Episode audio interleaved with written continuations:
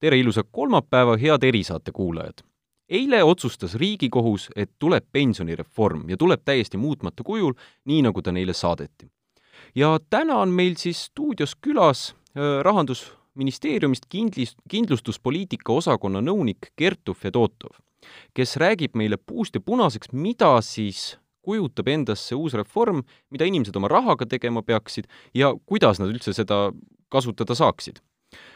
mina olen Eesti Päevalehe ajakirjanik Joosep Tiks ja küsikski kohe siin Kertu käest, et kas nüüd, kus Riigikohus selle otsuse tegi, kas Rahandusministeeriumis hakkas kohe kibe töö ja palju ettevalmistusi? tervist ka minu poolt. rahandusministeerium ja tegelikult ka kõik teise samba süsteemi osalised on neid ettevalmistusi selle reformi rakendamiseks teinud äh, juba pärast selle seaduse siis Riigikogus vastuvõtmist. et selles mõttes äh, oleme me igaks juhuks olnud valmis ka selleks, et, et see seadus siis jõustub nüüd ka nende kuupäevadega, mida, mida Riigikogus vastu võetud seaduses ette nähti mm. -hmm, mm -hmm. ehk siis kõik on äh, tipp-topp ja nüüd ongi vaja hakata siis seadust jõustama? no ähm, tõsi on see, et see ajaplaan on olnud ju selline pingeline algusest peale, et, et ikkagi küllaltki lühikese aja jooksul kõik need muudatused ellu viia ja, ja hetkel ka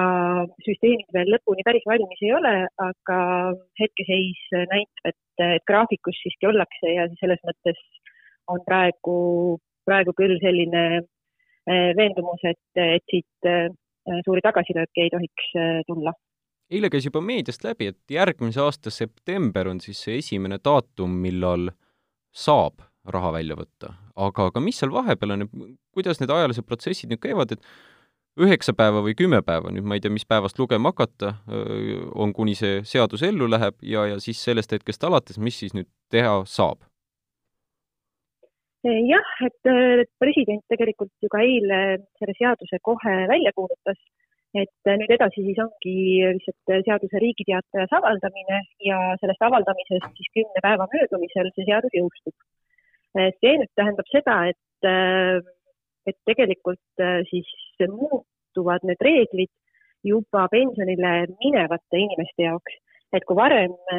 siis pensionile jäädes sõltus see, kuidas pensioni välja võtma hakata Eh, sellest, kui palju oli raha kogunenud, et eh, kas siis eh, tuli valida eluaegne pension või mõni lühemat sorti plaan või, või sai raha korraga välja võtta. et nüüd, kui see seadus jõustub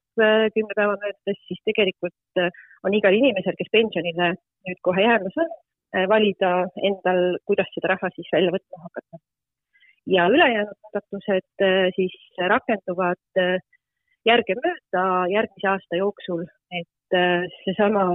palju räägitud äh, võimalus siis pensionisambast lahkuda, et selle avalduse esitamist äh, saabki siis alustada jaanuarist kaks tuhat kakskümmend üks ja kui need avaldused on tehtud siis sellises nii-öelda esimeses voorus, et enne märtsi lõppu, siis tõesti ka raha välja makstakse neile, kes seda soovisid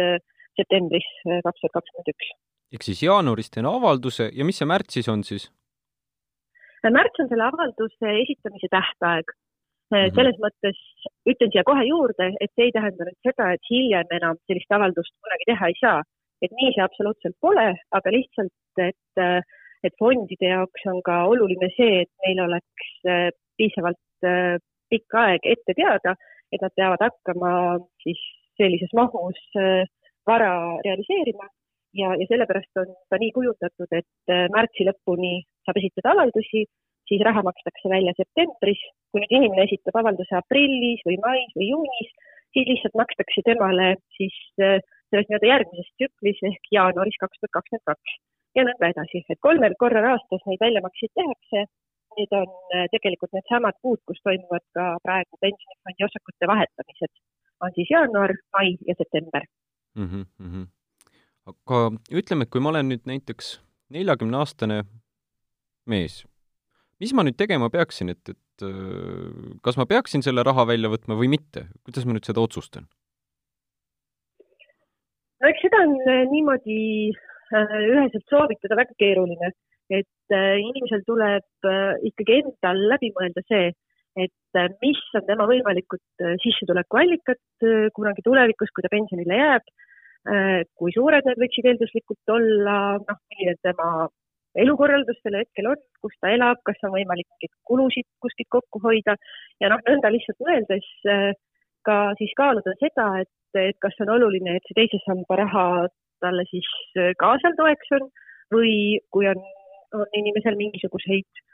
muid alternatiive, siis, siis on tema nagu noh, valikuid teha võib-olla nagu selles mõttes lihtsam ja, ja otsustada ka seda, et, et see raha noh, välja võtta või teisest sambast loobuda. Aga kuidas seda aga... või kes mul aitaks seda konsulteerida või vaadata, et see kõlab nagu päris hirmus valem, mis ma pean ise valmis ju tegema, arvutama, et, et kas praegu see tulu saada, võrreldes siis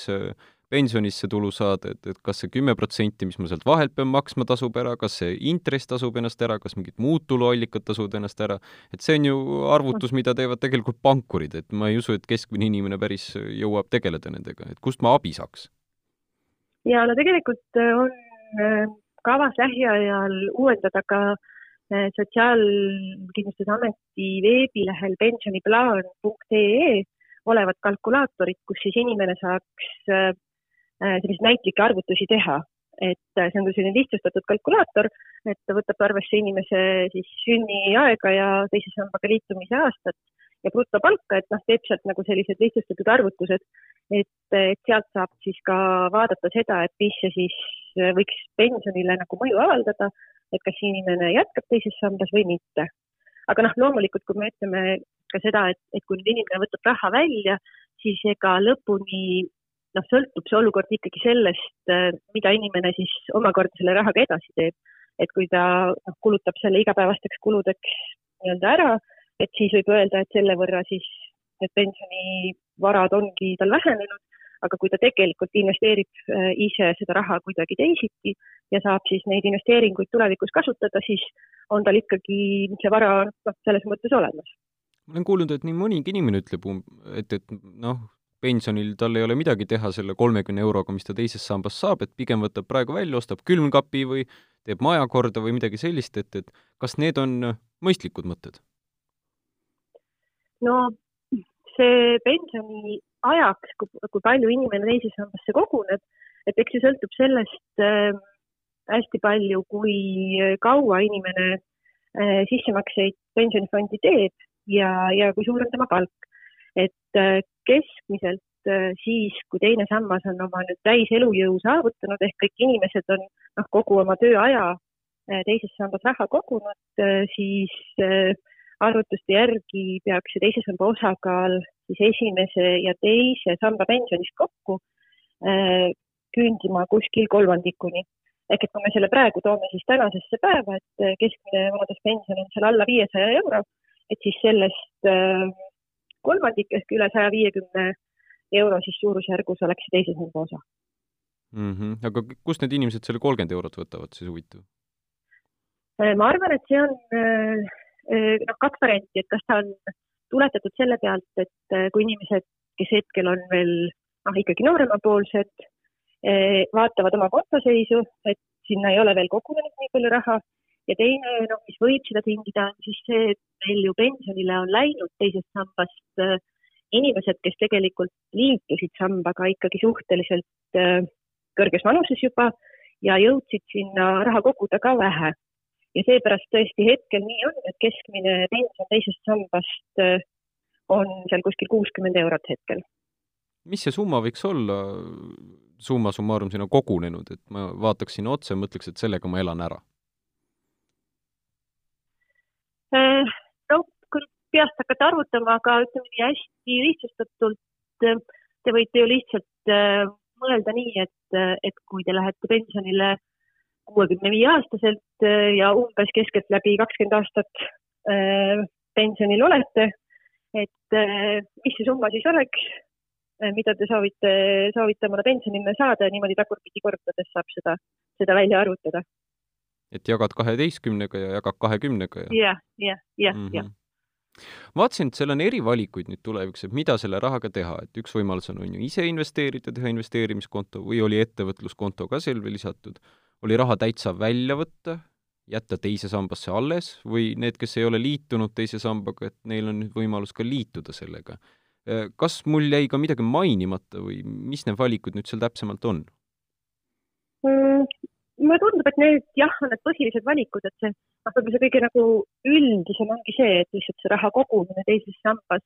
on siis äh, nüüd uuest aastast vabatahtlik. noh, mis tähendabki siis äh, tõesti seda, et need, kes veel ei ole liitunud, nendel kõigil on see võimalus ja, ja need, kes on liitunud, et siis, siis nemad saavad valida, et kas nad äh, on, on rahul sellega ja, ja soovivad oma pensioni kogumisse jätkuvalt panustada, et nad ei pea midagi tegema või siis kui nad soovivad midagi muuta, äh, sealhulgas sambast lahkuda, et siis kõik need võimalused on. ja, ja lisaks siis võib-olla see nii-öelda pensionile jäämisega seotud muudatus, mida ma just kõige alguses ka kirjeldasin, et, et siis inimene, kui on jõudnud äh, pensioniikka ja hakkab äh, minema pensionile, et siis ta saab ka ise otsustada, et kuidas täpselt ta selle kogutud raha nüüd kasutusele võtab, kas eluaegse pensionina või tähtajalisena või, või võtab ka korraga välja kas need inimesed, kes praegu juba on pensionil, kas nemad saavad ka raha välja võtta? Ehm, vaikimisi on nii, et äh, need äh, juba kokku lepitud pensioniplaanid äh, kehtivad edasi, mis tähendab, et kui inimene saab oma igakuist pensioni, et siis see jätkub, aga kui inimene soovib siis sellise pensioni saamise lõpetada ja selle raha teisiti välja võtta, siis ka nendel praegu pensionil olevatel inimestel on selleks võimalus et fondipensioni puhul tuleb siis lihtsalt see fondipension ära lõpetada, esitada selline avaldus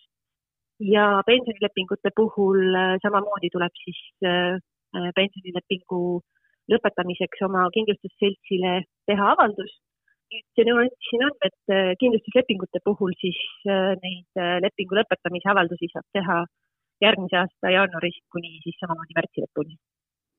nüüd seal, küsiks selle investeerimiskonto kohta ja samamoodi selle vahe kohta, kas lihtsalt raha välja võtta, et kas see investeerimiskonto on seal üks valikutest või see on nüüd vaheetapp sellele, et, et äh, ma saaksin täiesti sulas nii-öelda välja võtta selle raha? Äh, pensioni investeerimiskonto äh, luuakse nüüd sellise uue investeerimisinstrumendina nii-öelda sinna teise samba süsteemi juurde mis tähendab seda, et ta tekibki tegelikult paralleelselt äh, siis pensionifondide kõrvale. et inimene saab valida, kas ta suunab oma maksed äh, pensionifondi nagu seni või suunab nad oma isiklikule pensioni investeerimiskontole ja siis äh, investeerib neid sealt edasi ise. et pensioni investeerimiskontole raha viimine, seda ei loeta siis teisest sambast lahkumiseks et sa ikkagi jätkad äh, kogumist, äh, igakuiselt maksed laekuvad, kui, kui sa käid tööl ja, ja lihtsalt neid investeerimise otsuseid teed sa fondivalitseja asemel siis ise. aga lisaks sellele on siis jah, tõesti võimalik ka võtta oma kogutud raha äh, teisest sambast välja. sellisel juhul tuleb sealt maksta ära tulumaks kakskümmend protsenti ja siis saab inimene juba noh, ise valida milleks ta täpselt seda raha kasutab, et äh, kas ta saab seda kasutada kuidagi kinnisvara soetamisel või, või on tal mingeid muid investeeringuid, mida ta teha sooviks või kõik, kõik äh, võimalused on nagu avatud. nii et viiendik sellest rahast, mis tuleb, läheb nagunii riigile? kui ma sulas välja võtan? jaa, sest sellisel juhul on ta nagu tavaline tulu ja, ja sealt läheb siis tulumaks. kui ma muidugi hoian selle raha alles ja võtan pensionina välja, kas ta siis läheks ka tulumaksu alla? Äh, pensioniga ongi nüüd hästi oluline see, et, äh, et seni on teise samba pensioni käsitletud samamoodi nagu esimese samba oma, et pension on äh, tulumaksuga maksustatav tavapärases määras, see on siis see kakskümmend protsenti, aga äh, sellisel juhul, kui need esimese ja teise samba pension kokku siis ületavad seda maksuvaba äh, miinimumi. nüüd uuest aastast äh, teise samba pensioni maksustamise reeglid muutuvad eluaegne pension ja siis selline pikem tähtajaline pension muutuvad üldse maksuvabaks ja lühemad tähtajalised pensionid ja ühekordne väljamakse siis hakkavad olema maksustatud äh, kümneprotsendilise tulumaksuga. sisuliselt sarnane, nagu see on siis kolmandas sambas. nii et pikas perspektiivis, mõeldes sellele, et äh, maksu ei pea maksma, oleks mul mõistlikum hoida see teises sambas maksude mõttes selles mõttes jah, et siis on võimalik ka sellest nende maksu üldse mitte maksta, et kui, kui siis võtta see raha ka pensionina välja hiljem. ja, ja noh, võib-olla selles mõttes, et kui tulla korra selle alguse juurde ka tagasi, et kui, kui me räägime neljakümne aastasest inimesest, et mida tema nagu teha võiks või mitte, et siis kindlasti siin noh, hästi oluline on see, et, et kui inimene teisest sambast lahkub, et siis edaspidi, nii palju, kui tal on jäänud veel tööl käia, et siis ta omandab selle võrra siis rohkem õigusi oma esimeses sambas, riiklikus äh, pensionikindlustuses,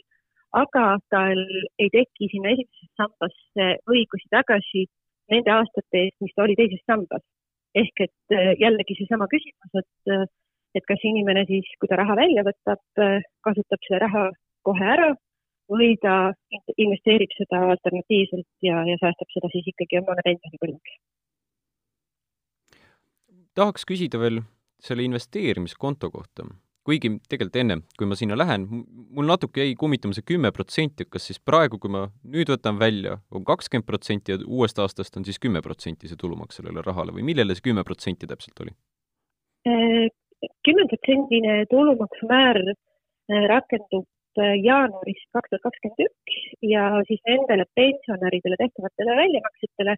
mis on äh, sellised lühiajalised või siis ka lihtsalt ühe korraga raha väljavõtmine mm. -hmm. ehk siis, kui ma olen pensionieas ja võtan kiiresti välja? jah, jah mm, -hmm. jah okei okay., äh, nüüd sellest investeerimiskontost, et kui mul juba näiteks on olemasolev investeerimiskonto, no ütleme, kuskil on aktsiad või kuskil on indeksid või EFT-d või mis mul kõik seal võimalik on, et kas ma saan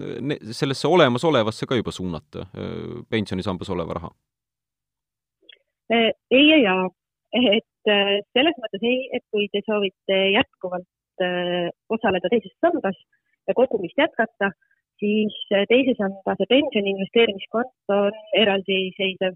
ja spetsiifiliselt just siis teise samba jaoks loodud konto, seda eelkõige põhjusel, et teises sambas kehtivad siis need omad reeglid raha väljavõtmisele, mida selle üldise investeerimiskonto puhul ei ole aga teistpidi jällegi, kui te otsustate sambast eh, lahkuda nii, et võtate oma kogutud raha välja, siis muidugi ei takista miski teil ka seda oma olemasolevale investeerimiskontole kanda ja sealt siis investeeringuid edasi teha. lihtsalt see kahe investeerimiskonto vahe on siis kahekümne protsendine tulumaks ehm,? selle tavalise investeerimiskontoga on nõnda, et eh, sinna juba laekub inimesel maksustatud raha kui ta teeb sinna sissemakseid ja seetõttu siis ta lihtsalt seda kontot kasutades äh, lükkab oma maksukohustust edasi ja, ja pidevalt siis nii-öelda võrreldakse seda, mis on tema sissemaksete ja väl, raha väljamaksete vahe ja kui väljamaksed ületavad sissemakseid, siis tuleb nii-öelda sellelt, sellelt osalt nagu tulumaksu maksta. aga teise samba puhul on nii, et äh, need teise samba sissemaksed ise on juba äh, maksueelsest tulust, mistõttu ka siis, kui ükskord see raha välja makstakse, siis ta kogu ulatuses äh, maksustamisele lähebki mm. -hmm. et kakskümmend protsenti võetakse sealt ikka ka siis, kui mul on see teine sammas suunatud teise samba investeerimiskontosse? jah, aga noh, ikkagi seda siis, kui te võtate selle välja enne pensioniiga mm. -hmm, mm -hmm. aga kui ma hakkan sealt pensionist mak-, pensionit maksma, siis on vähe kergem? jah, just. ja, ja te... kuni selleni välja, et, et et pikad siis pensioniplaanid äh, ei olegi maksustatud mm. -hmm. aga dividenditulu, et kas, kui ma võtan selle välja, kas sealt ka dividenditulumaks läheb? Äh, seal on nii, et äh, dividenditulumaks võetakse ära ilmselt juba vahepeal, enne kui see dividend teie investeerimiskontole laekub. et, et hetkel käsitletakse siin seda investeerimiskonto süsteemi sarnaselt fondidele, kus pärast nagu eraldi seda tulu nagu siis äh, maksustamisele minevast summast maha ei lahutata.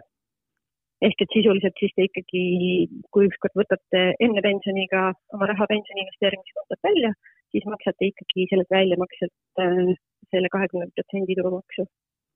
seal on hirmus palju väikseid konkse ja reegleid, kas, kas sellest tuleb ka mõni, ma ei tea, selline iga päev umbes kuskil tänaval on mõni plakat, mis selgitab või mingi suurem teavituskampaania, et inimestele saaks kõik need variandid pealuu sisse taguda? no eks tuleb jah, töötada selle nimel, et, et neid selgitusi jagada ja, ja, ja, ja materjale ka nagu ette valmistada, et me kindlasti algatuseks oma veebilehel püüame nii palju infot avaldada kui võimalik ja, ja oleme sinna ka juba lisanud siis sellise süsteemi kirjelduse, kus ongi plokkide kaupa võimalik lugeda nii siis sellest sambast lahkumise kohta, sambast liitumise kohta, investeerimiskonto kohta, eh, noh, eraldi nagu pensionile minevate inimeste jaoks plokk, et, et sealt saab kindlasti sellist eh, kirjeldust vaadata ja, ja on olemas meil ka seal hetkel siis selline korduma kippuvate küsimuste rubriik, et kus siis samamoodi on püütud kõikvõimalikele küsimustele vastuseid anda. Aga kui inimene näiteks sooviks konsulteerida kellegagi, kas praegu mõni eraettevõtja juba pakub seda teenust või saab see riigilt ka sellist teenust paluda? Ehm, no sellega on nii, et kuna see teine sammas on hetkel eras-, erasektori põhine nii-öelda, et siis äh, eks äh, kontohaldurpangad äh, seda nõustamist oma klientidele kindlasti pakuvad aga, aga hetkel sellist äh, riiklikku kanalit äh, ei ole, küll on mõtet selles suunas, et seda, seda ikkagi ka nagu arendada. kas riik hakkab kuidagi seda ka vaatama või, või kas või suunama, mõjutama, nüksama, et, et äh, inimesed uisapäisa raha välja ei võtaks või, või teeks enda jaoks õige valiku? no see on kahtlemata väga oluline, et, et vaata, et mitte kõige olulisem siin, et inimene ikkagi lihtsalt rahulikult enda jaoks selle asja läbi mõtleks ja avalduse teeks, et, äh, et mis äh, on siin, millele on mõeldud, on siis see, et,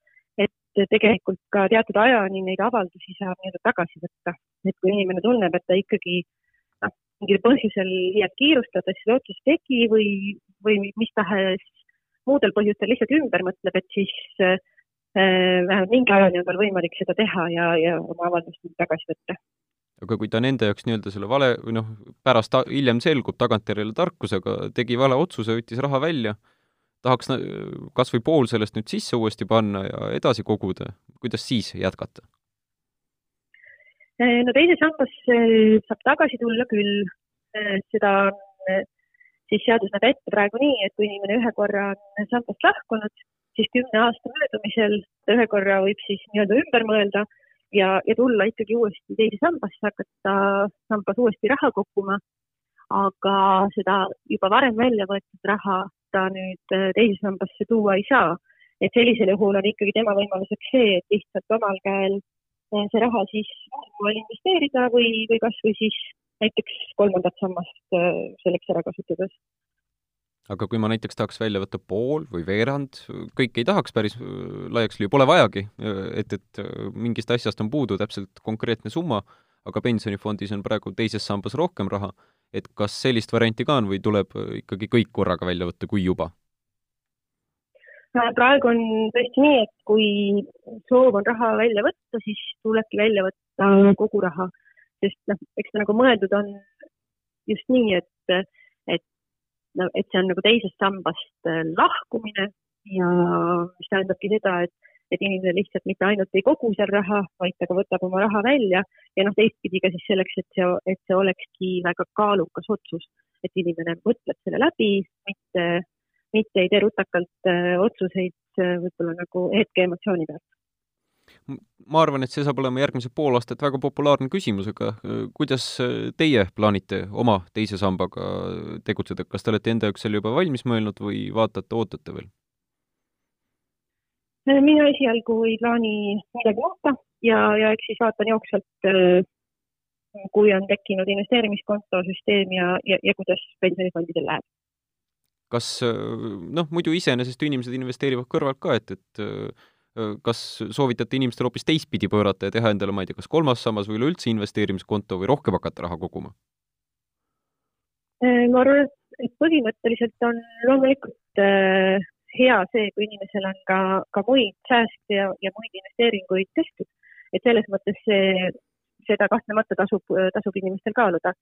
ja kolmas sammas võib-olla neist kõigist on lihtsalt ka selline kõige lihtsam moodus ja kõige, kõige mugavamaks tehtud inimese jaoks, et ta ei pea igapäevaselt ise äh, liiga palju siis selle investeerimisega tegelema, lihtsalt äh, liitub kolmanda sambaga, teeb oma otsused alguses ära ja, ja kuna seal on siis ka nüüd olemas